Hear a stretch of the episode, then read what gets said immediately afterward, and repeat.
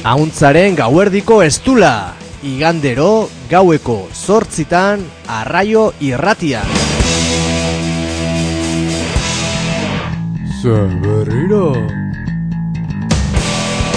Bai, baina urten berrikuntzekin kolaboratzaile berriak, atal berriak, eh, zuzeneko saio bereziak, eta bai... Baiterela,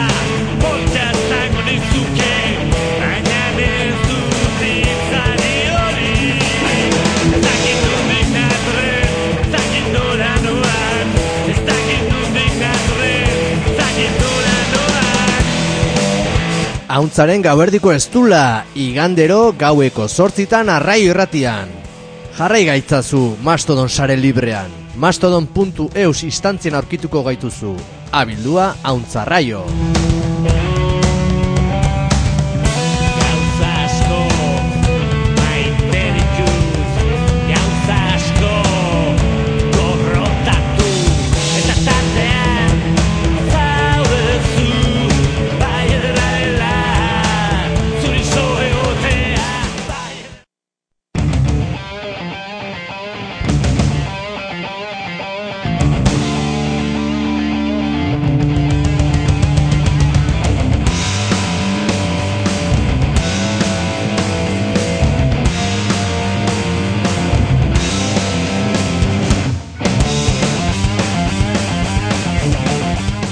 Iepa, iepa, iepa, kaixo gabon deizuela iaie guztioi hemen txegeala zuzen zuzenian arraio irratian Auntzaren gauerdiko estula.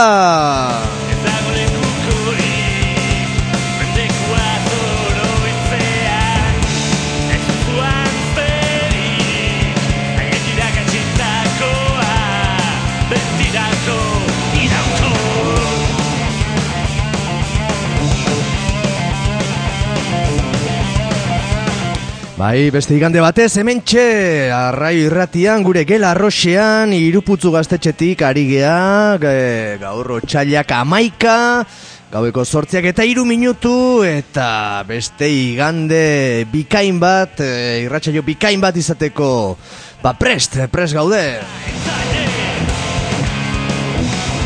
Mo gaur ere pixkate mingain lodi, atzo inauteriak izan zian mundu guztian, bueno, illa mundu guztian, zautzan ebai, eta ibili ginen gu ere, ba, mozorrotuta, asko gustatzen zaiguta paperak aldatzea. Egean zinatik, guztizik, Horregatik, ba, agian gaurko irratsaioan egon daitezken akatzen eh, barkamen aurretik eskatzen dut, ezpa.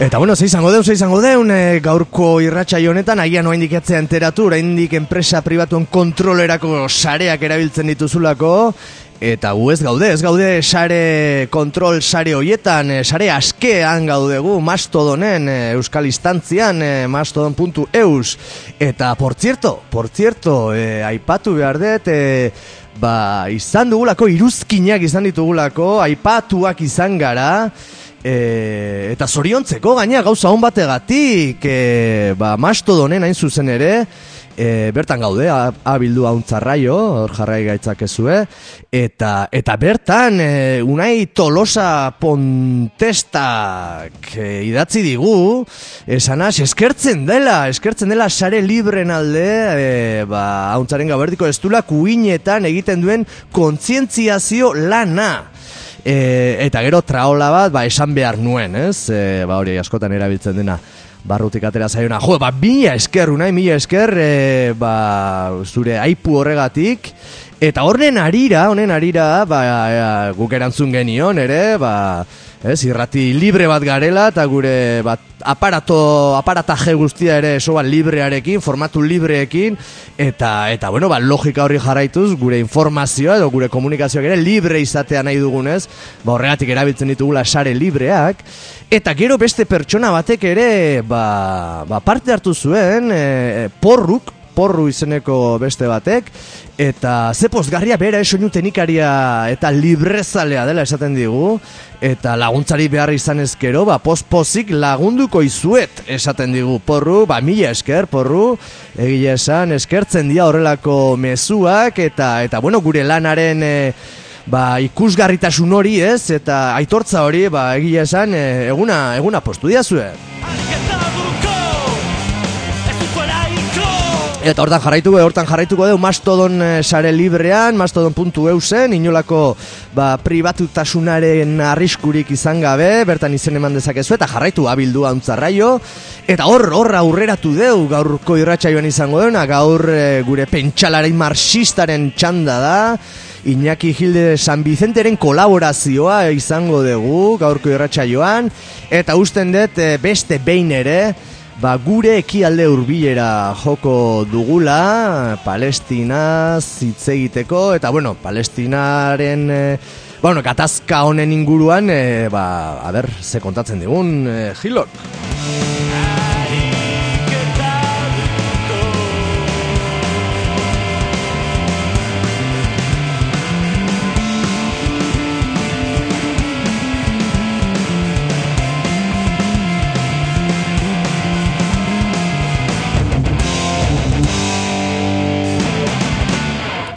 Arraio ratean zaure, FMko laroita iruan, eta arraio.eusen ere entzungai daukazu, streaming bidez e, munduko ia txoko guztietatik, e, zuzen zuzenean ari gea, otxaiak amaika esan dugun bezala, arratsaldeko edo iluntzeko, sortziak eta zazpi minutu, errepikapena entzuten ari baldin batzea, bagian astelena ordubiak eta zazpi minutu izango dira, edo larun bat goizeko amarrak eta zazpi minutu, edo arrosa sarearen bitartez ere entzuten bagaituzu, ba, arrosasarea.osu egunean ere sartzen degulako gure irratsaioa podcast eh, moduan, e, ba, euskalo ze orduta egun den, eta beste irratiren batetik entzuten ebalin bazea, ba, bueno, eskertuko nuke jakinaraztea, agurrak bialtzeko zure herriko illa jende guztiari, oi, ohitura degun bezala.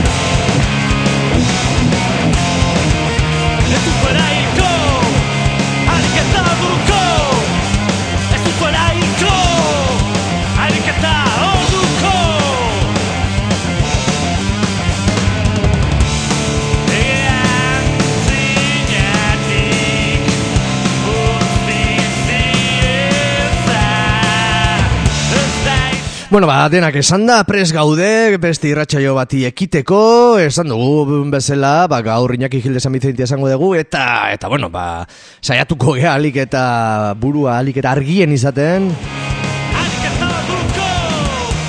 Eta, bueno, Iñakiri paso emateko, ba, beti sintonia berdina erabiltzen dugu. Oraindik ez dakidana ze musika talde dena den, e, entzulei galdetu diot behin baino gehiagotan, eta inork ez dit jakin esaten, e, abesti hau ze musika talderena den. Ez dakit, ez dakit eta jakin nahi dut.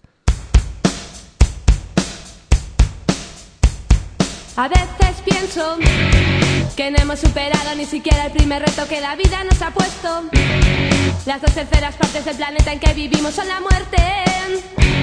Ya estoy harta de promesas, de mentiras y de hambre. De hambre.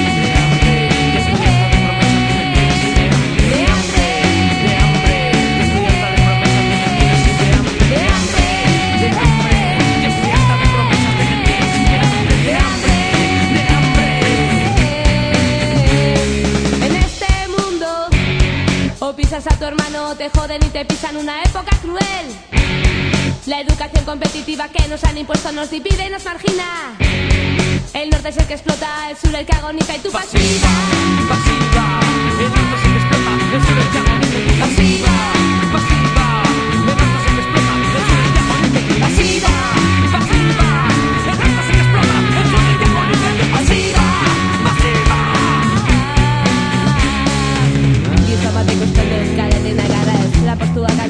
ez du jatekorik Emaztea urdur, biseme gaiako kin Lan asko egiten du, diru gutxira bazik Kapitalismo zikinaren biktimak dira.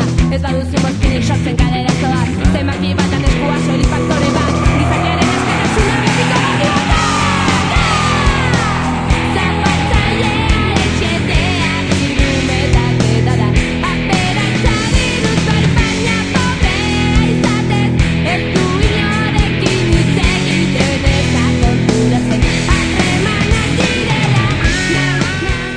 Bueno, mentxe, abesti hau, Iñaki Gilde Samizeteren e, ba, deia egiteko aprotxatuko duguna, eta oraindik ez dakina talde den, e, norbaite bali madaki, ba, mesedez esan, eta bagoaz, Iñakiri, ba, bueno, orengoz ez digu tono ematen, a ber, saiatuko gara berriro,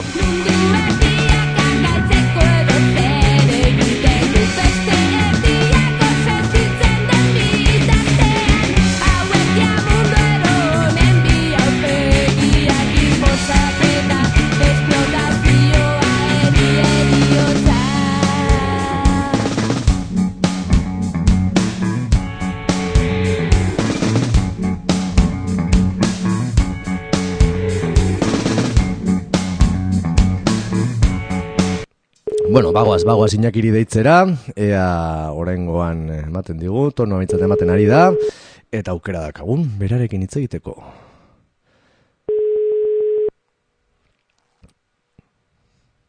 Ea, ea. Bai, Bai, Iñaki, bai. kaixo, arratsaldeon, arraio, bai, bai. a- arraio erratitik, zuzen zuzenean ari gara ditzen, Iñaki Gilde San Vicente, pentsalari marxista, Bueno, mila bueno, esker. Pentsalari, pentsalari ez dakit. Bueno, bueno, eh, marxista bai. Ma- Marxista en construcción y en proceso. El proceso que nunca acaba, ¿ez? Eh, Eso, eso. bueno, Iñaki, mila mila esker, beste igande batez gurekin egoteagatik, eh, kolaborazio honetan, ja akumulatzen ari dira sagardo botellak, egia esan, Joder, kamionakin bai, bai. jumerko dugu, bai. Bai. bueno, eta gaur ere, pixkat, gure ekialde hurbilera begira, ez? Jarriko gara beste behin ere, palestinari buruz hitz egiteko, Bai. ez? Takit, nundik nahi duzun hasi, por donde quieres empezar, Bai, eh, bai, que... Venga, este, tuyo Bueno. el micrófono.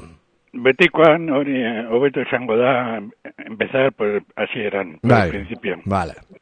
Entonces, lo primero que tenemos que decir es que no existe pueblo judío ninguno. Eso es, existe religión judía con muchos matices, con muchos problemas de interpretación, con mucho secretismo, con un, con una, unas interpretaciones al Talmud, la, o sea, etcétera, que, que son de una ferocidad increíble a veces y otras de, de una complejidad que llevó a crear sectas de todas clases, etcétera, etcétera, pero pueblo judío no existe, Ujú. porque existen personas de diversas culturas que se han hecho judías bien a la fuerza, bien porque les ha apetecido, o bien por herencia familiar y bien por cultura familiar. Pero eso que llama el pueblo judío, un pueblo, como decían, una nación sin tierra y una tierra sin nación, un pueblo sin tierra y una tierra sin pueblo, eso es una mentira creada creada es proceso para justificar esta política, eso es lo primero. Lo segundo, que es un pueblo palestino, Senaizu, a ver, Galderabat. Es, es, es, es, a dos, a dos. Lo segundo es que, que todos ellos, bueno, lo- los orígenes son palestinos, eso tampoco hay cuestión, son palestinos, ¿no? Y que cuando vino ya la resistencia palestina, no judía, ¿eh? Porque había judíos, pero también había de religión pagana, religión, o sea, politeístas griegos, politeístas zoroastristas de Persia, politeístas de otras religiones que tienen la base de la que luego surgiría surgiría el cristianismo, diversas sectas, etcétera, y también diversas interpretaciones del judaísmo, etcétera, etcétera, fue la resistencia palestina contra la ocupación romana. Lo que pasa es que ahí también ha habido una política deliberada in- impresionante de mentira histórica, películas desde Ben Hur, desde no sé qué, no sé cuántos, han sido unas barbaridades. Todas las películas que hacen sobre Jesús, del cual eh, yo, yo pienso que no existió como persona, ¿no? Pero eh, cualquiera, ah, cualquier investigador que domina un poco la metodología de la historia sabe que no hay un solo ejemplo, un solo dato real sobre Jesús, ¿no? Entonces todo eso se fue construyendo posteriormente, ¿no? En- en eso. entonces fue la rebelión palestina con sus diversas religiones internas y cada religión interna con sus diversas sectas e interpretaciones las que eh, hizo que, eh, digamos, el pueblo pobre de Palestina se enfrentara a los romanos y el pueblo rico, la parte rica, eh, las castas, etcétera, etcétera, eh, no se quisieron enfrentar o se enfrentaron un poco en un principio y luego traicionaron y se pusieron a favor de los romanos, se dejaron que los romanos aplastaran al pueblo pobre palestino y a partir de ahí ya empezó, eh, digamos, una de las desbandadas, ¿no? Porque ya venía de antes toda la historia, ¿vale? Entonces, todo ese proceso ha hecho que en realidad sea ah, rupturas, eh, tensiones como cualquier otro pueblo. Mira, al fin y al cabo, en la historia lo que son las llamadas fronteras de los pueblos son, perdón, los que son las llamadas fronteras de los pueblos son los restos de guerras. Son las guerras que definen las fronteras de los pueblos. Eso en Euskal Herria se ve muy claro, ¿no? Las guerras, los conflictos, las tensiones, etcétera, ¿no? Y luego, junto con eso los avances y retrocesos económicos. Y luego, un poquito más tarde, los avances y retrocesos lingüístico-culturales, etcétera, ¿no? Bien, eso es lo tercero que hay que decir, ¿no?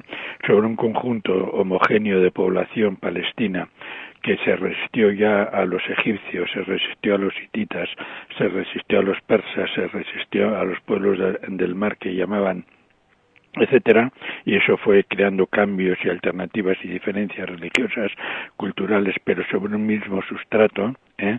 sobre ese sustrato luego ya a partir de la Edad Media y a partir del siglo IV o V de, de la era de los cristianos se empezó a crear toda la mitología de, de, digamos de los evangelios del pueblo griego etcétera eh, perdón del pueblo judío etcétera etcétera ¿no? bien todo eso pasa así y todo eso ha sido silenciado para que ahora exista una una creencia masivamente impuesta de que un pueblo judío que existió desde hace tanto tiempo que escribió la Biblia que escribió no sé qué que escribió no sé cuántos tiene el derecho a volver a su sitio de origen no eso no se sostiene por ninguna parte porque no hubo una reivindicación de un territorio para ese pueblo que nunca existió como pueblo religioso, etcétera, etcétera, pues hasta finales del siglo XIX aproximadamente. Hasta 1860, 1870 no hubo nadie que planteara que el pueblo, que los que quedaban de diversas interpretaciones judías solamente de religión judía pudieran volver o volvieran a volvieran a lo que hoy es el Estado sionista, ¿no? Ah, es, eso, eso te quería preguntar, a ver si el sionismo como tal también es eh, de, pues no sé, de esas fechas o es más posterior o... Bueno, el movimiento sionista es un movimiento que como tal aparece a finales del siglo XIX. Empieza a tener diversos autores, 1880, igual antes había unas, unas peticiones individuales o unas propuestas individuales, pero es en esa época cuando empiezan a crecer, ¿no? Y empiezan a crecer precisamente en, en dos zonas donde, que sean decisivas luego en una tercera que es Estados Unidos, ¿no? Pero empiezan en dos zonas en esos momentos que serán decisivas. Una de ellas es Gran Bretaña y otra es Israel, perdón, Alemania. La Alemania, incluso, pues sí, de comienzos del siglo XX de, de, la monarquía, de la monarquía prusiana, etcétera, la alemana que se llama Guillermina, ¿no?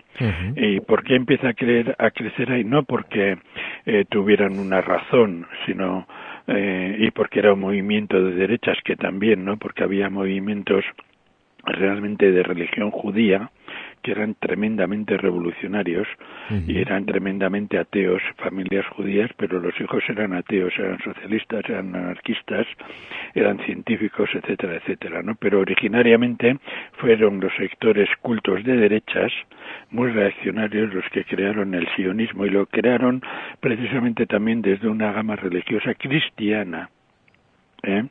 cristiana y entonces una mezcla que es la que luego Trump eh, ha dirigido en una mezcla que si nos da tiempo luego el mes que viene podríamos profundizar en eso sería muy interesante no la oficina que tenía Trump y que no sé si se mantiene pero se mantiene en otras instituciones yanquis. En la Casa Blanca había una oficina de agitación del cristianismo y de las sectas protestantes cristianas. Estaba en la propia Casa Blanca o sea, ¿eh? una oficina para fomentar todo sí, eso sí, sí, sí, sí, sí, estaba sí sí sí sí estaba en la propia Casa Blanca Sí, sí, sí. Ya sin, sin, sin, caretas, ¿no? Lo que se dice. No, no, sí, sí, sin caretas, sí. Bien, entonces el sionismo se movía en, en, en planos muy pequeños, de intelectuales de derechas, de, de cosas de estas, sin tocar los problemas fundamentales. Pero ¿qué ocurrió? Ocurrió una cosa fundamental, ¿no? Y es que eh, eh, se descubrió una cosa que era una cosa pues eh, decisiva en la, una revolución, la segunda revolución industrial se descubrió los británicos y los alemanes descubrieron que eh, los motores de gasolina y los motores de gasoil, sobre todo el motor de gasoil, echaba mucho menos eh, estela de humo en los barcos de guerra que los motores de vapor. Ajá. Y, y esto que, aunque parezca una tontería, es una cuestión crítica Claro, claro. porque ya en los años, a finales del siglo XIX, Gran Bretaña, que estaba en el auge de su potencia mundial, necesitaba una enorme masa de, de barcos y de cargueros y de, y de buques de carboneros que se llamaban carboneros, barcos especialmente preparados, lo mismo que ahora hay preparados para llevar petróleo, entonces estaban preparados para llevar carbón a, a los sitios donde la escuadra británica tenía sus campos, lo mismo que ahora Estados Unidos tiene sus bases militares aéreas y marítimas. Gran Bretaña tenía en los sitios estratégicos de los mares tenía reservas gigantescas de carbón para sus barcos, ¿no? Eso era, eso dilapidaba dinero a mansalva, ¿no?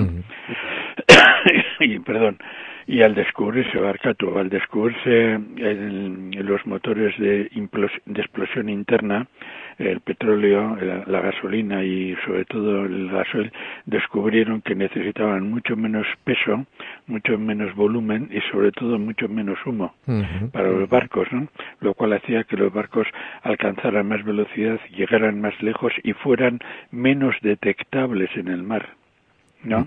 Y se necesitaran menos, menos, menos carbonerías, menos reservas, menos lugares, menos puertos, con todo lo que implicaba de dinero, de tropas, de, de sobornos a las clases dirigentes, de represión de los pueblos, etcétera, para poner inmensas reservas de carbón para que llegaran los barcos, ¿no? Sobre todo los Dragonuts, que eran unos barcos que inventaron los ingleses a comienzos del siglo XX, hacia 1800, perdón, 1908, 1910, que era una maravilla la técnica del momento, ¿no? Y que tenían, entre otras, las virtudes de ir con rapidez, ir bien armados y, y no me- y no echar humo, no echaban tanto humo, Ya, y por ya, tanto eran invisibles. Era una ventaja, ¿no? para- Claro, claro. para- te- terrible. Esto es como el boxeo. Mira, tú que este, eres especialista en peleas, por lo que yo me he enterado de Sí, peleas sí, a las sí. 4 de la mañana. Sí, sobre eh, todo. después de beberte una botella pacharán, pues sabes que el primero que golpea, golpea dos veces, ¿no? Sí, pues sí. en la guerra pasaba igual, ¿no? Y en la guerra marítima mucho más. Entonces, controlar el sitio donde se producía el petróleo era estratégico. Estratégico. Y de ahí vino la decisión británica de apoyar al movimiento sionista para empezar a pensar cómo controlar Oriente Medio. Ujú. Vino Eh, de ahí, no vino de un debate religioso. Vale, vale, vale. Bueno, a raíz de lo que estás contando, eh, este tema de barcos, eh, pues últimamente me he interesado porque, bueno, el Golfo Pérsico está en el punto de mira, todos los barcos pasan por ahí, Sí, sí, luego, sí. luego profundizamos, pero... Por eso he empezado con el. Muy bien, hay una página web que puedes ver a tiempo real los barcos con los nombres y todo, Sí, sí, sí, eh, Besselfinder.com, V-E-S-S-L-F-I-N-D-R.com, besselfinder.com, Sí, sí, y es una pasada cuando haces tú una esa zona del Golfo Pérsico, hay cuántos barcos hay ahí eh, que no Los van que ni para para pasando, atrás. los que no están pasando, los que están es, parados, eso cómo tienen que llevar la documentación al pueblo UTI, que, que miran si es barco eh, que está relacionado con el imperialismo, si es barco no sé qué, les dejan pasar a unos, a otros no dejan. Fíjate, un pueblo heroico pequeño como el pueblo UTI, eh, bueno, eso, lo- los logros de, de la dignidad y la conciencia de la libertad e internacionalismo, ¿no? Eh, pues eso es exactamente pasa lo mismo en estos momentos, ¿no? Ahí está la cuestión. Y el sionismo recibió una, un impulso bárbaro porque el imperialismo norte, perdón, británico y el imperialismo alemán se dieron cuenta que necesitaban controlar Oriente Medio. Y de ahí viene toda la pelea, por ejemplo, todo lo que se llamó el gran juego por el control por el, por el control de Afganistán, de Pakistán, de la zona de Beluchistán en estos momentos que hay un conflicto muy serio que enfrenta a Pakistán a Pakistán con por una parte con Irán y con Turquía por otra no, con Turquía no tanto con Irán y con la India.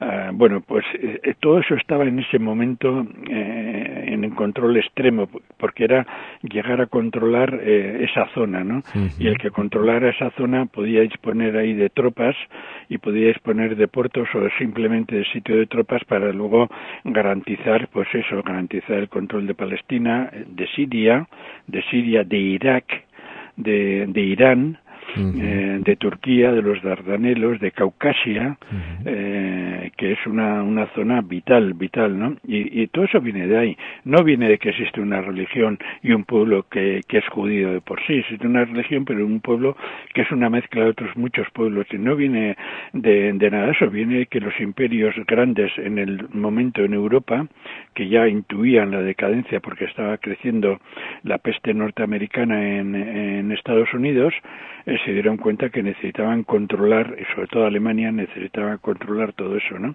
Y ahí se adelantó mucho más, se adelantó el Imperio Británico. Y de ahí viene eh, la segunda fase de toda la cuestión de Palestina, que toda la prensa ha creado toda una propaganda para justificar por qué había que, en vez de llevarles, por ejemplo, a, a América o África, como estaba pensado, ¿eh? estaba pensado llevarlos, llevarlos, por ejemplo, A Sudamérica, ¿no? A Argentina, Chile. Ah, eso, sí, es, sí, eso es, por ahí. Sí, a la sí, Pampa tenía- ahí por ahí. Sí, sí, sí. La Patagonia, no sé por dónde era, sí, algo sí, así. a- Sí, sí, pero también a África, ¿eh? Ajá. A Madagascar y a otros sitios, ¿no? Mira, yo, para comentarlo, una vez hablando con, con una persona que estaba un poco al tanto, me comentó una, me comentó una anécdota de una reunión muy tensa entre Irán y, y los internacionalistas de estos de, de cuatro pelos de Alemania, ¿no? Ajá. Y esta persona de Irán les dijo, mirad, si queréis eh, esto, ¿por qué no cuando se planteó todo el problema de qué hacemos con los judíos y con los sionistas y con los- toda esta gente, ¿por qué no ofrecisteis vosotros la República de Baviera en Alemania? Ujú. que fuiste los que machacasteis al pueblo, a los judíos y, y no solamente a los judíos, a muchísima más gente, ¿no? Bueno, el ejemplo es ese, ¿no?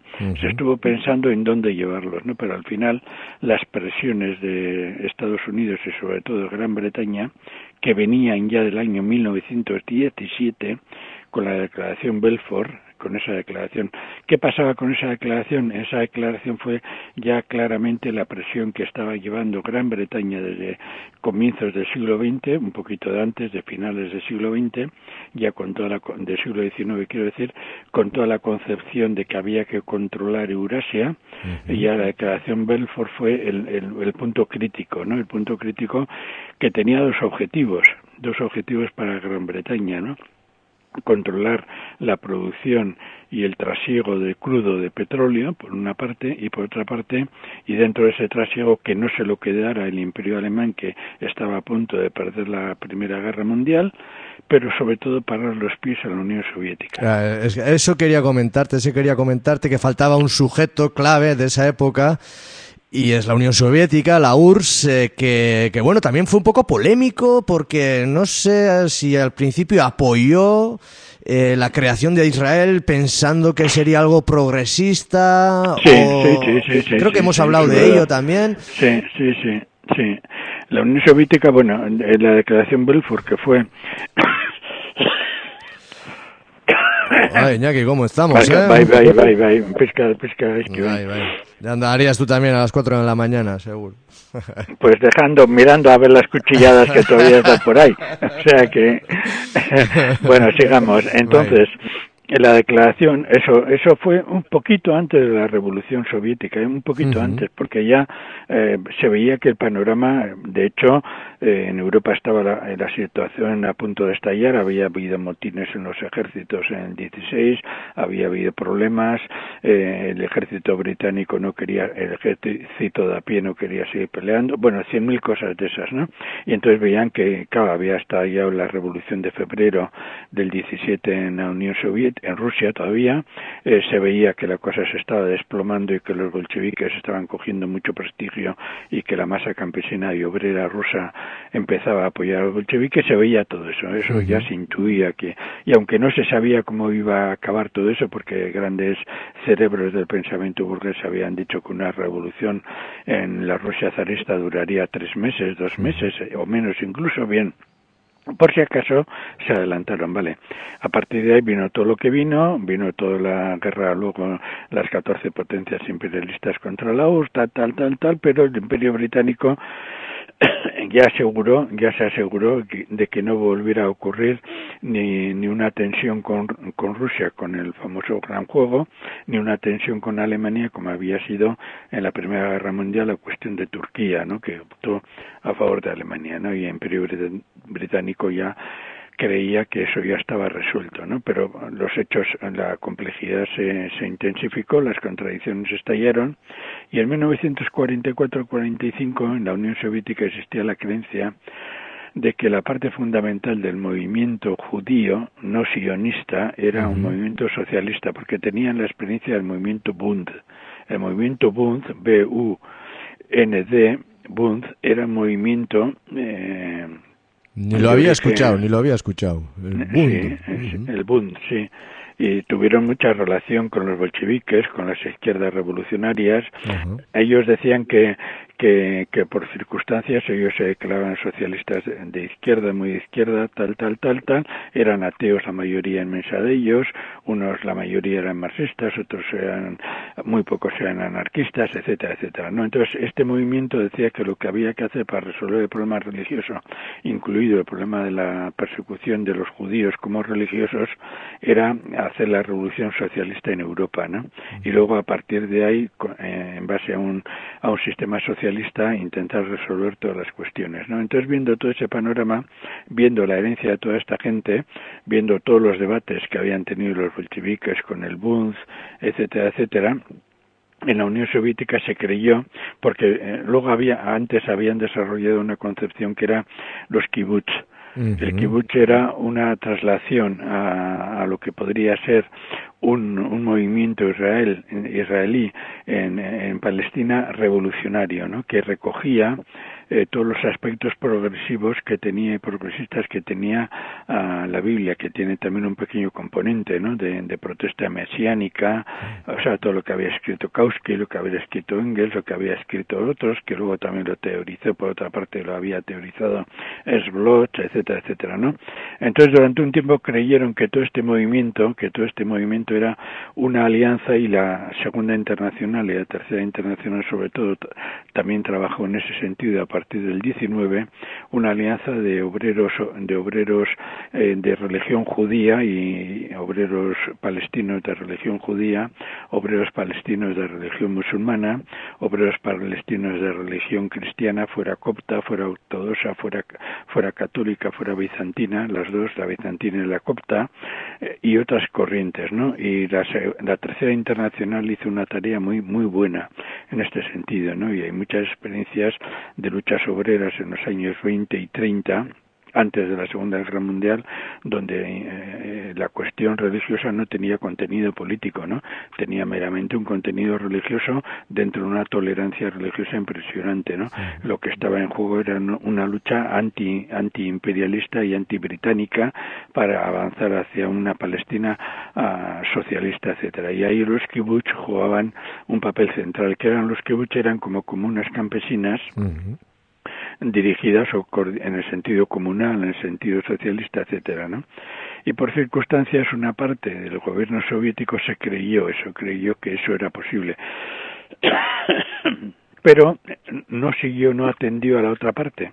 La otra parte era la fuerza reaccionaria del movimiento sionista. Uh porque como mínimo había dos grandes corrientes, como mínimo había más, ¿no?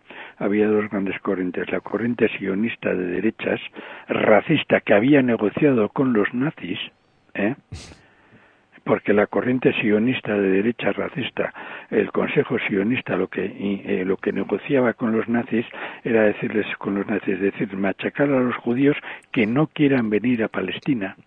Los que no quieran venir a Palestina y quieran quedarse en Europa, esos hay que matarlos. Ajá.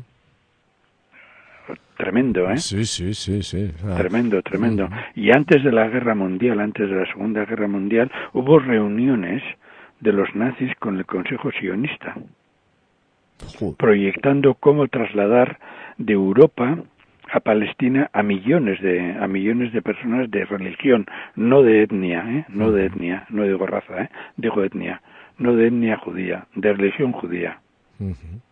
Y luego cuando los campos de concentración, el, el Consejo Sionista no se enfrentó a los campos de concentración y cuando terminó eh, la Segunda Guerra Mundial, el Consejo Sionista eh, hizo, presionó para que eh, muchísimos de los sobrevivientes, con el apoyo de la Iglesia Católica, llegaran a Palestina. Eh, y eso es lo que la Unión Soviética no tuvo en cuenta Vale, vale, vale, vale, vale.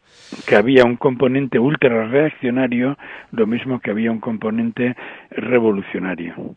Vale. Entonces, eh, al final, el componente revolucionario, eh, porque la Unión Soviética no podía atender a todo, al final el componente revolucionario fue suplantado, vencido, vencido por el componente ultra reaccionario. ¿Por qué? Porque varios millones, varios millones de, de personas de religión judía, pero de diferentes pueblos, aunque todos de religión judía, decidieron emigrar en las condiciones durísimas de Europa, con hambre, con traslaciones de, de masas de inmigrantes y de deportados de varios millones de personas de un sitio a otro. Ten en cuenta todo el cambio impresionante de población que hubo conforme todo el intento nazi llevar población europea occidental hacia, hacia los países del eslavos para aplastarlos y para occidentalizar eh, la Europa eslávica, etcétera, y luego a la inversa toda esa corriente hubo. O en todo ese panorama y de la pobreza extrema, eh, acordémonos de las decenas de miles de muertos que hubo en Holanda en el año 45 por puro hambre, ¿eh?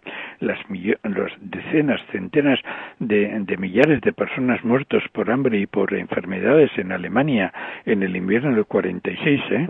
O sea, que todo eso se ha silenciado a, a eso, ¿no? Y, y ahí había muchos, muchas personas de religión judía que emigraron voluntariamente con una concepción de derechas o de al menos de, de, de no quererse meter otra vez en otro conflicto político, emigraron con el apoyo institucional imperialista y británico emigraron, británico después, pero en un principio no, pero ahora no podemos tocar eso, emigraron a Palestina. ¿eh? Claro, todo eso fue barriendo al componente progresista que estaba en los kibbutz.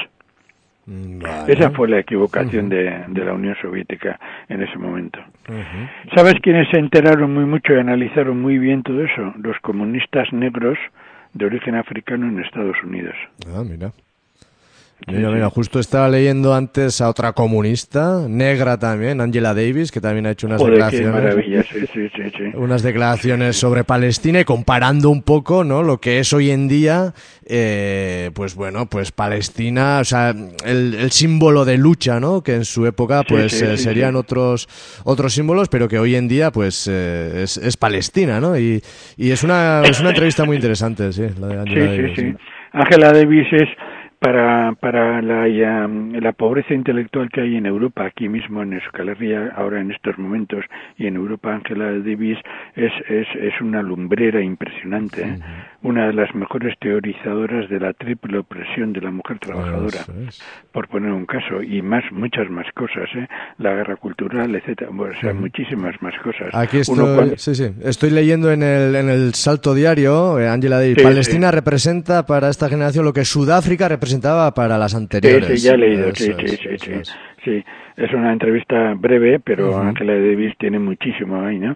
Mira, una cosa que llama mucho la atención y que yo sí quiero tocar en este programa sin tu permiso, Dale, pues. porque te, te lo voy a poner como condición en la siguiente vez, es el centenario de Lenin. Ah, ah. También ha sido, sí, sí, sí. Está siendo. Está siendo, vale, vale, es todo un año, ¿no? Claro. Sí. Entonces, una de las cosas que quiero analizar es los intentos de algunos de meternos Lenin teorizado por, por foráneos, vamos a decirlo así. Por foráneos, por intelectuales Vale. británicos, estadounidenses, españoles, etcétera, como si aquí no supiéramos quién fue Lenin.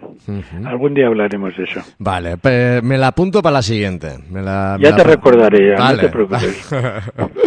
vale, y volviendo a lo que estábamos hablando, Sí. eh, Pues Entonces bueno, se llega a la eh, es. Dime, sí, se sí. llega a la situación del 77, perdón, del 47-48, ya cuando ahí empieza ya la masacre. Ahí empieza eh, realmente la masacre y los famosos eh, mapas de estos cuando se ve Palestina en verde, como le van quitando trozo, Sí. trozo, trozo, trozo, trozo. ¿Ahí qué ocurre? Ocurre otra cuestión central y es que Primero el imperialismo británico y francés. El imperialismo francés había estado en la zona, había tenido posesiones en Siria, había tenido posesiones en el norte de África, había tenido posesiones en Túnez, había tenido posesiones en, en Líbano, eh, había tenido influencia sobre Irak, etcétera, etcétera, y le interesaba controlar bastante la situación de Turquía, ¿no? Pero por otra parte estaba también el imperialismo británico, ¿no? Todavía el imperialismo nor- norteamericano no había entrado a saco, ¿no? Entró a partir de los años 50, ¿no? Pero ya desde el 48 ya Norteamérica había intuido que el control de, de Palestina era estratégico. Eso ya lo sabían los egipcios, ¿eh? O sea, esto ya sería un debate a nivel de lo que es el materialismo histórico, la función, eh, la concepción materialista de la historia. Los egipcios lo sabían ya hace 5.000 años la importancia de Palestina para controlar el agua que tenía Palestina, todo eso lo sabían perfectamente los egipcios, ¿no? Bien, pero Estados Unidos llegó a esa conclusión precisamente en la Segunda Guerra Mundial, ¿no? Cuando vio que, eh, que Estados Unidos tenía reservas de petróleo enormes, pero que eh, este Palestina, toda el área Oriente Medio las tenía infinitamente superiores, como las tenía también Venezuela, ¿no? Y por eso Estados Unidos intentó pensó en, en trocear Venezuela en tres trozos, ¿no? Pero eso sería otra otra otra charla, ¿no? Bien. Entonces, eh, en ese contexto ya es ya cuando el imperialismo se da cuenta. ¿Por qué? Porque a partir del año ya 49, 49-50, sí, eh, ya, eh, ya cuando Occidente ya decide, Occidente el imperialismo, decide pasar directamente contra la Unión Soviética, porque está viendo las guerras de liberación, está, está viendo la revolución china, está viendo las guerras en, en Asia, está viendo Indonesia, está viendo Malasia, está viendo Vietnam, eh, o Cochinchina como se llamaba entonces, está viendo las rebeliones y las luchas en África, la descolonización, está viendo que todo el mundo con bajo la influencia no solamente de la Unión Soviética, sino eh, eh, la tremenda movilización que hay en el mundo, si la Primera Guerra Mundial impulsó una movilización tremenda a nivel mundial, la segunda fue todavía muchísimo mayor, ¿no? Entonces Estados Unidos se da cuenta que Oriente Medio va teniendo una importancia clave, ¿no? Y de ahí viene toda la preparación de todo un ataque nuclear contra la Unión Soviética, que es la OTAN la que está pensando, y la importancia estratégica que tenía Israel, que tenía Turquía, que tenía Turquía, que tenía Grecia, que tenía Egipto, en toda esa área que tenía Arabia Saudí. Y luego eso se irá acrecentando, ¿no? Entonces ya, ah, claro, a partir de ahí, sobre todo conforme la Unión Soviética va superando eh, todos los cercos absolutamente, son los años 60, los años 70, en la carrera del espacio, etcétera, etcétera, eh, ya llega un momento, sobre todo a partir de los años 50, a mediados de los 50, cuando ya surge todo el movimiento de los no alineados, eh, aparece Nasser, aparece no sé qué, cuando Nasser nacionaliza el canal de Suez, ¿eh? Eh, ya Estados Unidos ya está decidido a apoderarse eh, y hacer de, del ente sionista llamado Israel hacer un portaaviones terrestre con armas nucleares para controlar toda la zona, ¿no? Entonces, cuando Nasser nacionaliza el canal de Suez, eh, Gran Bretaña y el Estado francés, en un acto eh, idiota de imperialismo decadente, declaran la guerra a Egipto y Estados Unidos les dice que mira, que no, que ellos son unos peleles en manos de, esta- de Estados Unidos, que Europa no pinta nada, todos esos que chillan ahora de que Europa no sé qué, no sé cuánto, ta, ta, ta, Sí. ta, ta, tendrían que entender un poco de la historia del capitalismo desde la concepción eh, del materialismo histórico del marxismo. ¿no? Ya en el año 57 Estados Unidos demostró, ya antes lo había demostrado, ¿eh? pero en el año 57 demostró definitivamente quién mandaba en Europa. Y lo dijo así de claro pues y Gran Bretaña y el Estado francés y eso que el propio Estado francés eh, se había con De Gaulle se había retirado de la OTAN luego lo hizo un poco o sea había desarrollado bombas nucleares pero una vez que De Gaulle abandonó la política la burguesía francesa se arrodilló delante de Estados Unidos inmediatamente, ¿no? Entonces, a partir de ahí, de toda esa fecha, como proceso, digo, no como un día en concreto, como proceso a partir de ahí ya Estados Unidos se hace dueño de todo el asunto. ¿Por Y- qué? Porque... Sí, sí, sí, No, yo iba a plan y, y que suplanta, ¿no? Y, y planta ahí su sucursal, digamos, ¿no? Que es Israel, es eh, prácticamente una zona para controlar esa zona, precisamente, ¿no? Pero no solamente es una sucursal, ¿eh? En parte es una sucursal, como tú dices, ¿no? Pero en parte más que una sucursal es una simbiosis. Vale, a dos. Una simbiosis con, est- entre Estados Unidos eh, y el ente sionista. ¿Por qué?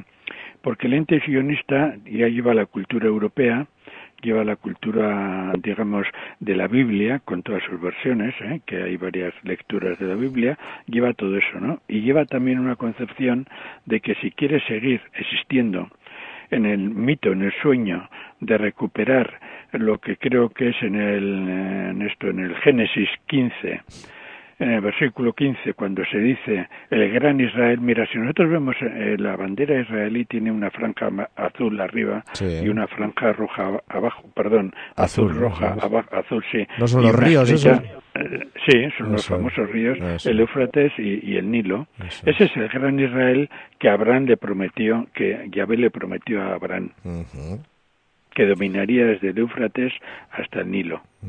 Y eso es lo que el sionismo reclama.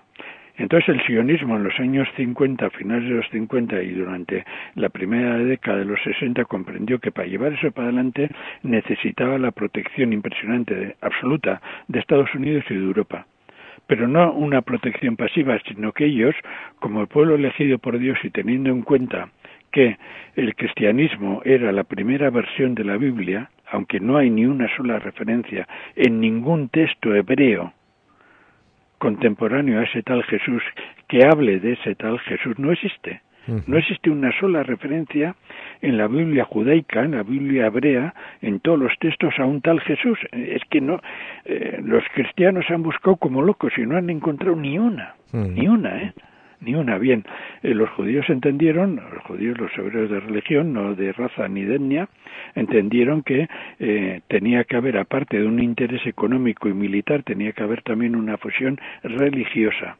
Claro, no se fiaban del Islam porque ya era la tercera versión de, de la Biblia, la segunda versión era el cristianismo, cada una con sus corrientes, luego vino la versión del Islam, con también chiitas, sunitas y Sí. otros más, pero los judíos no se fiaban. Entonces dijeron nuestros salvadores, sobre todo los judíos occidentales, nuestro salvador está en Occidente. Entonces, ¿por qué? Porque la Biblia en, en mayoría fue escrita en griego.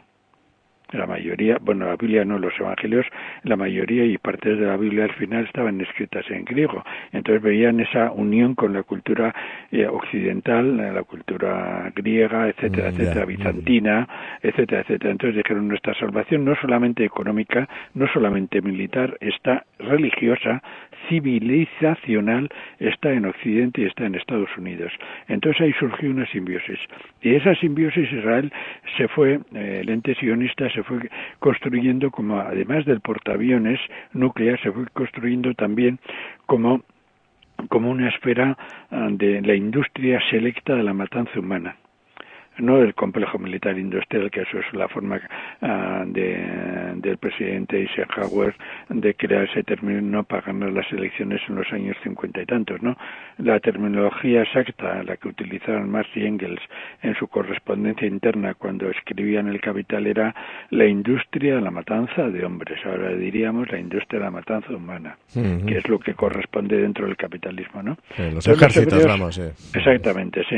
Eh, los, los hebreos, o los judíos, los sionistas, eh, mezclando todo ahora, se dieron cuenta que no solamente necesitaban la protección nuclear occidental norteamericana, sino y no solamente la protección también económica, sino también algo mucho más, ¿no? Y entonces es algo mucho más aparte de la religión y de ahí viene el sío el sío cristianismo, que es lo que hemos comentado antes con, con Putin, perdón, con Putin, joder, ¿en qué estaba Joder, pensando? a ver. Con Donald Trump, sí. Eh, esa concepción, a partir de ahí vino luego ya eh, decir, bueno, Israel tiene que ser la fábrica eh, material y simbólica de la contrainsurgencia a nivel imperialista. Entonces, bueno, y vemos especialistas en contrainsurgencia, en tortura, en espionaje, en delación, en chivateo, en penetración en organizaciones, en eh, tecnología de, de, espionaje, de escuchas, etcétera. Eh, eh, hay tres o cuatro transnacionales sí, de sí. origen y de ubicación en, en, el ente sionista israelí que son decisivas a nivel mundial, ¿no? Sí. Más la prensa. Sí, sí, estuvimos hablando con Austar de ello, de los intereses Sí. de las empresas vascas eh, o las Sí, relaciones sí. que tienen eh, con el sionismo y, la seguridad informática sobre todo también con NS Group y Pegasus y todo estos que son de origen israelí. Sí, sí, sí, sí, sí. Y muchos métodos de muchos métodos de interrogación, por ejemplo, interrogatorio. Bien, entonces, entonces Israel se, se fue convirtiendo en eso, se fue convirtiendo en eso y eso, eh, mientras que el capitalismo era el que era hasta prácticamente eh, finales del siglo del siglo XX, todo eso se ha contenido y se ha mantenido mal que bien, ¿no? Incluso con la implosión de la Unión Soviética ah, eh, ya parecía que era definitiva la victoria de todo ese modelo, ¿no? Pero ¿qué ha ocurrido? Que una cosa es eh, la política superficial y otra cosa son las contradicciones internas subterráneas del capitalismo a escala mundial.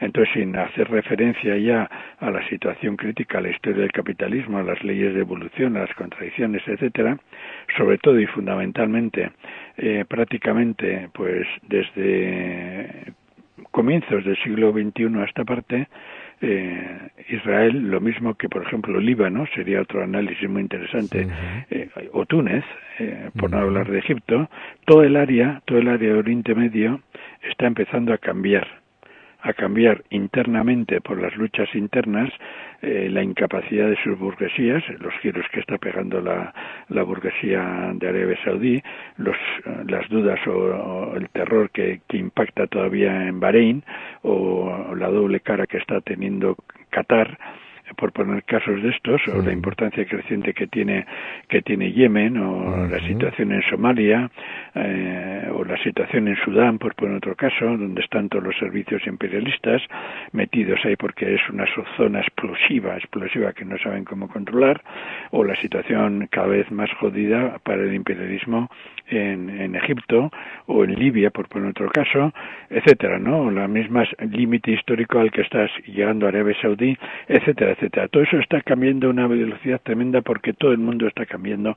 Y en ese panorama, Palestina, la Palestina histórica, no, no la construcción ficticia de Israel, la Palestina histórica, la que ya los egipcios intentaron controlar hace 5.000 años, esa Palestina eh, que ve que va a desaparecer y para eso hemos comentado antes eh, las famosas tres o cuatro fotos, eh, dibujos donde se ve la Palestina en verde y luego como le van quitando y le van metiendo trozos en azul y en blanco que son los signos de la bandera de la bandera sionista.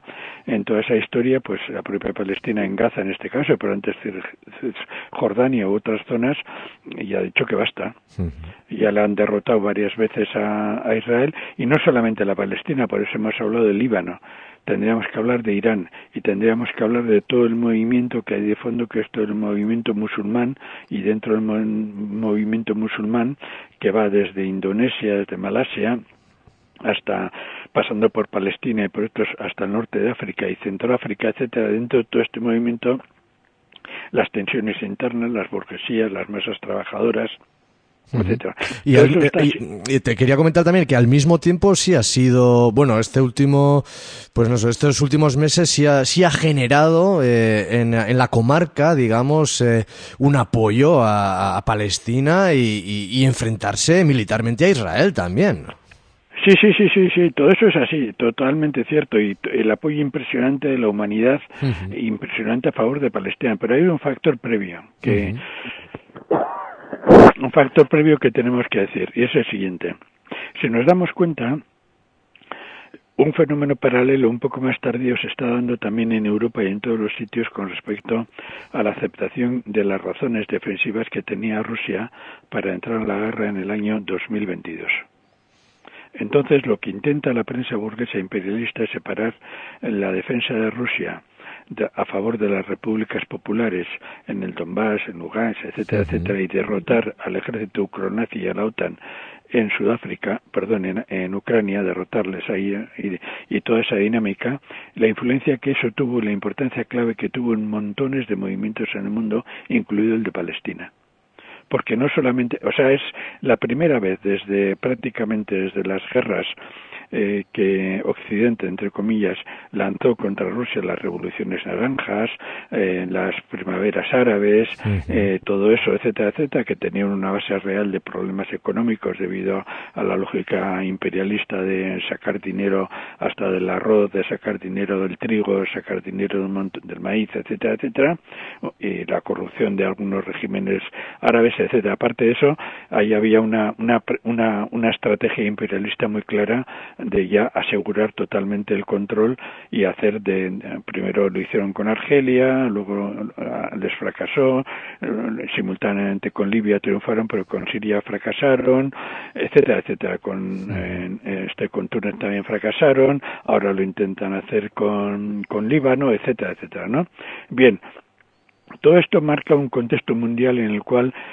también tenemos que introducir no solamente a la lucha palestina, sino también a la lucha de Yemen y a las 190 guerras que hay en estos momentos en el mundo. Y esto eh, quería eh, aparentemente desviarme un poquito del tema que era el de Palestina para ver el contexto mundial. Claro, claro. Ahora, en estos momentos hay 190 guerras, eh, conflictos armados, en realidad son más, ¿eh? pero eh, la, el sistema burgués de medir la resistencia de los pueblos eh, no tiene nada de decente, ¿no? y muchísimo Unas 200, digamos, sí, más o menos. Eh, sí, por arriba, sí. Entonces, aproximadamente en ese rollo, en ese contexto, en esa circunstancia, bueno, eso es, mira, eh, estas guerras son, nunca había habido, en el último tercio siglo, desde la implosión de la URSS, nunca había habido el nivel de enfrentamiento que hay en el mundo ahora. Y dentro de ese enfrentamiento tenemos Yemen, tenemos Palestina, tenemos eh, las repúblicas populares, tenemos muchas luchas y tensiones en, en toda África, uh, movilizaciones de todas clases, tenemos la situación que Venezuela, Cuba, Nicaragua, Bolivia, o la dictadura peruana, tenemos el caso tan, tan así de El Salvador, tenemos lo que se está gestando el golpe contra Petro en, en, Colombia, la situación de Lula en Argentina, el, el facho ese de, de Boric en Chile, eh, el, superfacho de este de Milei en Argentina. Bueno, todo, esa, todo ese panorama y, y, y, si no tenemos en cuenta eso, no tenemos en cuenta, no sabemos por qué ha habido tanta solidaridad con Palestina, porque fue como ese aldabonazo, bomba, ¿no? Y muchos pueblos que estaban deseando y están deseando y estarán deseando pueblos obreros estarán deseando ponerse en pie, han visto, joder, no solamente eh, en, eh, en, las repúblicas populares de Ucrania, no solamente la, el, corte de China popular a Estados Unidos, no solamente eh, estamos viendo Yemen, estamos viendo todo el Sahel, estamos viendo la resistencia iraní, estamos viendo la resistencia siria, resistencia palestina, etcétera, etcétera. Entonces, cuando ves el fascismo actuando con la brutalidad, cuando ese fascismo actuaba con la brutalidad desde el año 2014 contra las repúblicas de, del Donbass, eh, la censura era tal y la mentalidad alienada era tal de las izquierdas que, que, que, que bueno, acuérdate cuando aquí hubo una manifestación contra la OTAN, cómo salieron dos lumbreras de Bildu criticando esa manifestación. sí, sí, en un artículo. Ya me ¿Eh? acuerdo, sí, sí. Me acuerdo perfectamente, sí, sí. Bien, pues acuérdate de toda esa historia. Eh, esas lumbreras de Bildu, ¿qué dirían ahora? Pues... Porque está, está todo el mundo así, ¿eh? Sí. Entonces, eso sí quería tocar el efecto, el efecto de Palestina dentro de esa totalidad del mundo. Sí, es un punto central. Claro, claro, es, es, un contexto mundial muy, muy bélico, ¿no? Y muy, eh, pues, eh, con posiciones muy antagónicas eh, que, que, no sé si, si se puede vislumbrar y ya estoy escuchando más de una vez una tercera guerra mundial o algo, algo más potente, ¿no? Que, que vaya, que, que puede estallar también en este sentido. Sí, ya hemos hablado aquí varias veces, me habéis aguantado sobre eso. Sí, sí. Todo depende de lo que entendamos por guerra mundial en los Claro, dos claro, sentidos. ¿eh? claro. El sentido de extensión mundial y segundo, si es una, una copia de las dos anteriores y si va a haber una, una copia que va a ser el interés de Estados Unidos de que esa guerra no se libre también en Estados Unidos. Eso es, que sea fuera, siempre fuera de casa. Exactamente, que mueran otros. Eso es. Y, y respecto un poco a, a nuestro Oriente Próximo, ¿eh? A- que quería, para ir cerrando ya, eh, pues eh, lo que estábamos comentando antes, ¿no? Cómo, cómo está, no sé, catalizando, cómo está generando esa, esa solidaridad, eh, pero que va más allá, ¿no? De, de palabras, sino ya de, de apoyo militar, eh, eh, de, de- bueno, de enfrentarse, ¿no? A Israel. Eh, ¿Crees que, Israel podrá soportar así más frentes en contra en contra suyo o, o- o estos no, no, no consiguen limitarlo o no sé debilitarlo de, de alguna manera? Mira, sin enumerarlos, ¿eh? sin Sí, sí. enumerarlos, eh, el Estado sionista tiene en estos momentos siete frentes militares, económicos, eh, políticos, culturales, éticos abiertos eh, a escala de su, de su intento de exterminar al pueblo palestino. Siete, ¿eh? Siete. O sea, eh, es que bueno, está pasando otra cuestión. Aunque la guerra es un fenómeno que tiene muchísimos siglos de existencia, cada forma de guerra, cada alcance, cada contradicción y cada, cada contenido de la guerra, sobre todo cuando son guerras internacionales, eh, depende del contexto largo histórico en el que se libra, ¿no? Entonces, desde hace mucho tiempo, sobre todo prácticamente desde los años 50-60, eh, Occidente, el imperialismo, estaba acostumbrado a una guerra que era la Segunda Guerra Mundial, la Primera Guerra Mundial, eh, la Guerra Norteamericana de 1860 y tantos, y luego guerras coloniales, que se dice, ¿no? Bien, lo que está pasando desde los años 50 a esta parte y también pasó en la Segunda Guerra Mundial y en menor medida en la Primera, en la Segunda Guerra Mundial también, pasó que al margen de las guerras pensadas de grandes ejércitos, grandes estructuras militares, etcétera, unido con eso, no solamente al margen, unido con eso, eso se vio en la Segunda Guerra Mundial, existen guerras populares, lo que se llama desde una miopía intelectual eurocéntrica guerras asimétricas. Ajá, vale. Esa es una forma de inventar un término que oculta que los pueblos son capaces de recurrir a formas de violencia que el opresor no comprende. Ya. y a, a las cuales tiene mucha mucha incapacidad de responder a guerras así. Lo de Yemen en estos, pero no solamente lo de Yemen, ¿eh? Lo de Yemen en estos momentos, eh, claro, nosotros, eh, la gente de aquí, como papagayo, los intelectuales repiten guerras asimétricas, guerras de cuarta generación, Sí, no sí. sé, de quinta, dentro de poco te dirán de vigésima generación, ¿no? Cada uno inventa su generación de guerras. Las guerras modernas también he escuchado. Sí, sí, sí, sí, sí. La guerra no sé qué. Sí, en el fondo, si eh, analizas desde una perspectiva materialista y desde una teoría de la guerra, comprendes que, que eso es tan antiguo como, como el origen de las contradicciones humanas. Eh, una vez que empieza a surgir la propiedad privada y la explotación, ¿no? Mira, ya, eh, y me voy a comer un medio minutito a propósito, uno, uno de los problemas muy serios que tenían en la Mesopotamia de hace 6.000 años, ¿eh? cuando surgen las primeras ciudades-estados, era precisamente que había un pueblo que existía en, en- en dela- eh, un poquito encima en la geografía hacia los montes del norte de, de Siria y eh, por esa parte de ahí, eh, de Irak y toda esa zona, hacia esa zona montañosa, el pueblo Kuo, no sé cómo se pronuncia porque es una lengua ya muerta, ¿no? Eh, y era eh, que era lo que eh, eso eh, según las escrituras cuneiformes aparecen matan y desaparecen. A quienes mataban mataban al pueblo ocupante. Ajá. y la lógica era esa aparecen matan y desaparecen. Y esa es la, la lógica guerrillera de larga de larga duración. Entonces, desde esa perspectiva, lo que está pasando en el mundo y lo que está haciendo Palestina es plantear una cosa, en el fondo, casi casi la misma. Una guerra en las condiciones actuales que no tiene nada que ver con la concepción original imperialista europea de una guerra de trincheras, una guerra no sé qué, parte de lo que se está haciendo en Ucrania, ¿no? Pero en Ucrania, en Ucrania está surgiendo otra cuestión ahora. Está apareciendo la guerrilla prorrusa en la retaguardia del ejército ucranazi que ya estaba antes. Los partisanos famosos Sí. de la Segunda Guerra Mundial empiezan a aparecer. Empiezan a aparecer ya contra el ejército ucronazi. etcétera, etcétera. Bueno, eso oh, lo tendríamos que analizar en otro programa que está pasando en esa guerra. Bien, Sí. pero esa- esas guerras falsamente llamadas asimétricas es una de las formas que está haciendo ahora el pueblo palestino en el contexto de una zona hiperurbana Sí.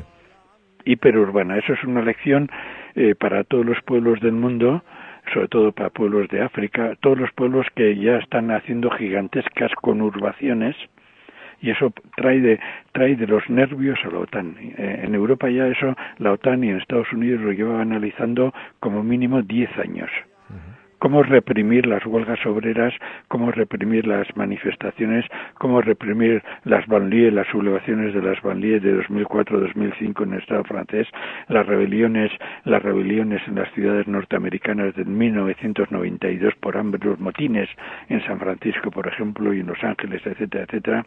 Eso, eso inquieta muchísimo.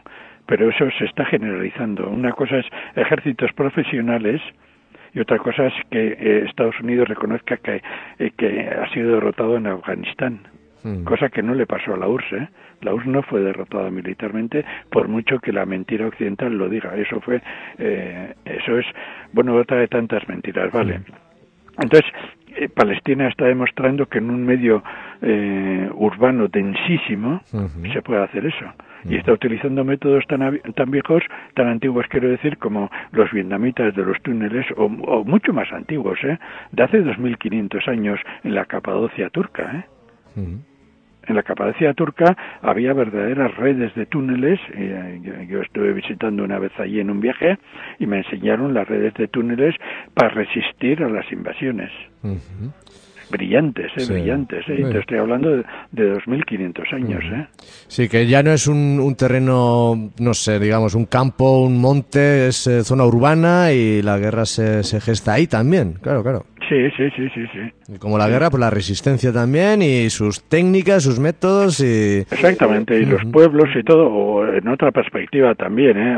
aquí estamos hablando de túneles, por ejemplo, ¿no? pero incluso utilizando una palabra euskaldun, ¿no? ¿Cuántos sulos se han hecho en las luchas urbanas eh, frente al poder eh, represivo de la CIA, de no sé qué, no sé cuántos, eh, en, en- en casas, eh, en sitios de esos? ¿Cuántos se han hecho? Cien mil ejemplos de esos. Podríamos, eh, y no solamente de ahora, he utilizado la palabra euskaldun a propósito para que se entienda bien, Sí, ¿no? sí, sí, pero podríamos seguir poniendo otros ejemplos, eh, por ejemplo las guerrillas en América Latina, aparte de la heroica resistencia viet- vietnamita, o bueno, etcétera, etcétera. Bueno, pues Palestina Palestina lo que está haciendo es, entre otras muchas cosas, plantear todo este debate. Pero este debate que estamos hablando ahora es sistemáticamente boicoteado por los que se limitan a hablar de derechos humanos abstractos y sobre todo el mito es la falsedad reaccionaria de los dos estados. Es imposible que haya dos estados. Sí, sí, sí, parece que es eh, para algunos la única solución que plantean, Sí. sabiendo que no es posible porque ni uno de los dos estados quiere, quiere esa solución, pero, pero, pues no sé, hablar diplomáticamente y así en vacío, pues eh, es fácil y, y molón, y entonces pues Sí, eh, ganas sí. votos con eso también. Sí, sí, ganas votos, pones a parir a Hamas, como ese, ni quiero acordarme de su nombre, eh, parlamentario de, de Bildu, que Sí. puso a parir a Hamas, etcétera, etcétera, ¿no? Bueno, todo eso, ¿no? Entonces, eh, lo que está en juego en estos momentos, e insisto, eh, no solamente en Palestina, no solamente en Yemen, no solamente en las repúblicas del Donbass, está en juego, por ejemplo, en eh, cómo se está militarizando todo el Indo-Pacífico, o está en juego, por ejemplo, las recientes leyes que va a tomar eh, Estados Unidos contra, contra Venezuela, por poner un caso, o la situación a la que están llevando a Cuba, la isla heroica, eh, la situación a la que están llevando a Cuba, porque no pasa un día sin que haya una nueva injerencia imperialista, apoyada por Occidente, ¿eh? apoyada por Occidente, o la situación del pueblo saharaui. ¿Quién se acuerda del pueblo saharaui? Sí, recientemente también ha habido una, una incursión militar eh, Sí, con, sí, sí. con fallecidos, bueno, ejecutados, muertos. Sí, sí, o, o- o otra cosa, o la guerra social que hay en Europa. No solamente con todos los debates que haya por medio con los necasaris en toda Europa, no es- la huelga, la huelga de los ferroviarios alemanes, por ponerte un caso, o, o la huelga reciente, reciente en el Estado alemán, con, perdón, en el, en el Estado francés, con todo lo que se ha movido hace un poquito, mucho, unos meses antes de, de los necasaris, toda la movida que ha habido otra vez de los pensionistas en el Estado francés, o la situación que hay en el, en el Imperio Británico, en Gran Bretaña, etcétera, etcétera. O sea, ahí hay una guerra social que, que hostias, que está ahí. Lo que pasa que la, la prensa burguesa no quiere en silencio toda esa historia. Pues bueno, en todo eso Palestina es un faro. Eso es, eso es, es el símbolo, como decía Angela Davis, que nos ha tocado vivir a nosotros en esta generación, esta época, y es eh, pues eh, otro, otra razón más para seguir luchando y, y, y para seguir eh, eh, plantando, plantando batalla. Eh, Iñaki, hemen utziko dugu, eh, ya pues, llevamos ya una horita, eh, entzun dut, estulakin zaude, zaindu zaite, Bai, bai, zaindu bai, zaite. Eta, eta bueno, ba, gure aldetik e, urrengo kolaborazioa Leninena izango da. Bai, Hori ja firma. derrigorez eta beharko da. beharko da, bai, beharko da. Eta esan dakoa, ba, mila mila esker Iñaki besarka handi bat, eta, eta eutxi. Vale, Venga, ba, ongi izan. bai, vale, agur.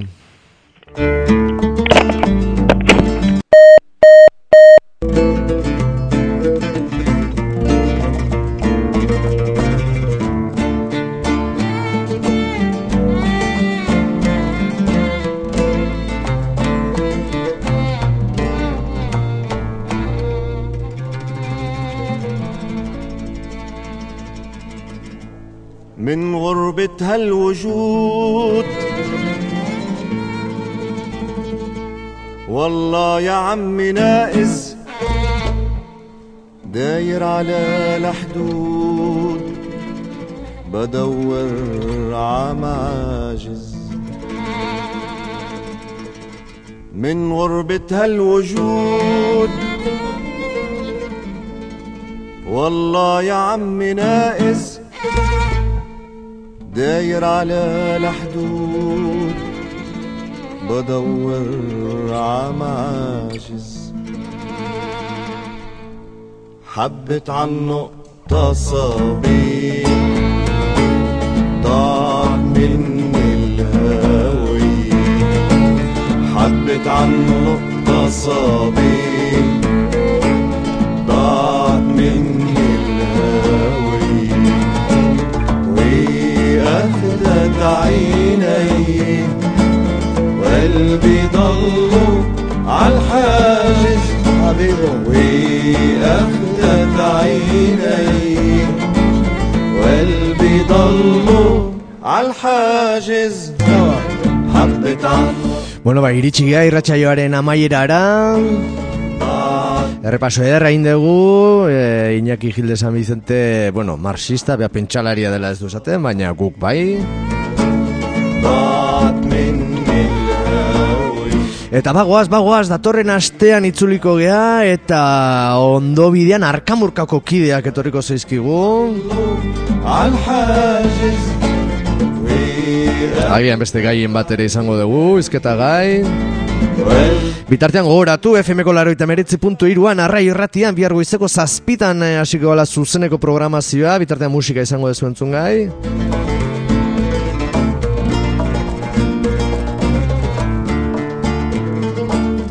Eta hoxe, agurtzeko, ba, betikoa, gaiztuak izan, eta alik eta ondoen bizi. Aio!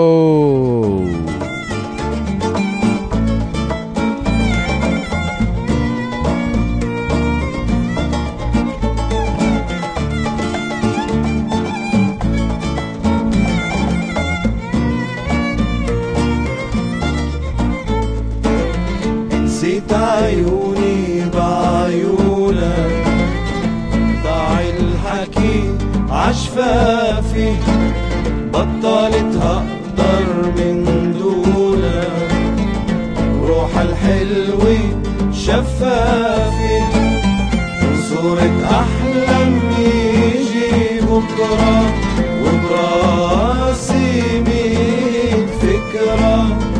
صورة أحلام يجي بكرة وبراسي ميت فكرة. أنا خايف تاني الصبح ذكرى والحب يصفي عاجز. حطت عنه التصابيح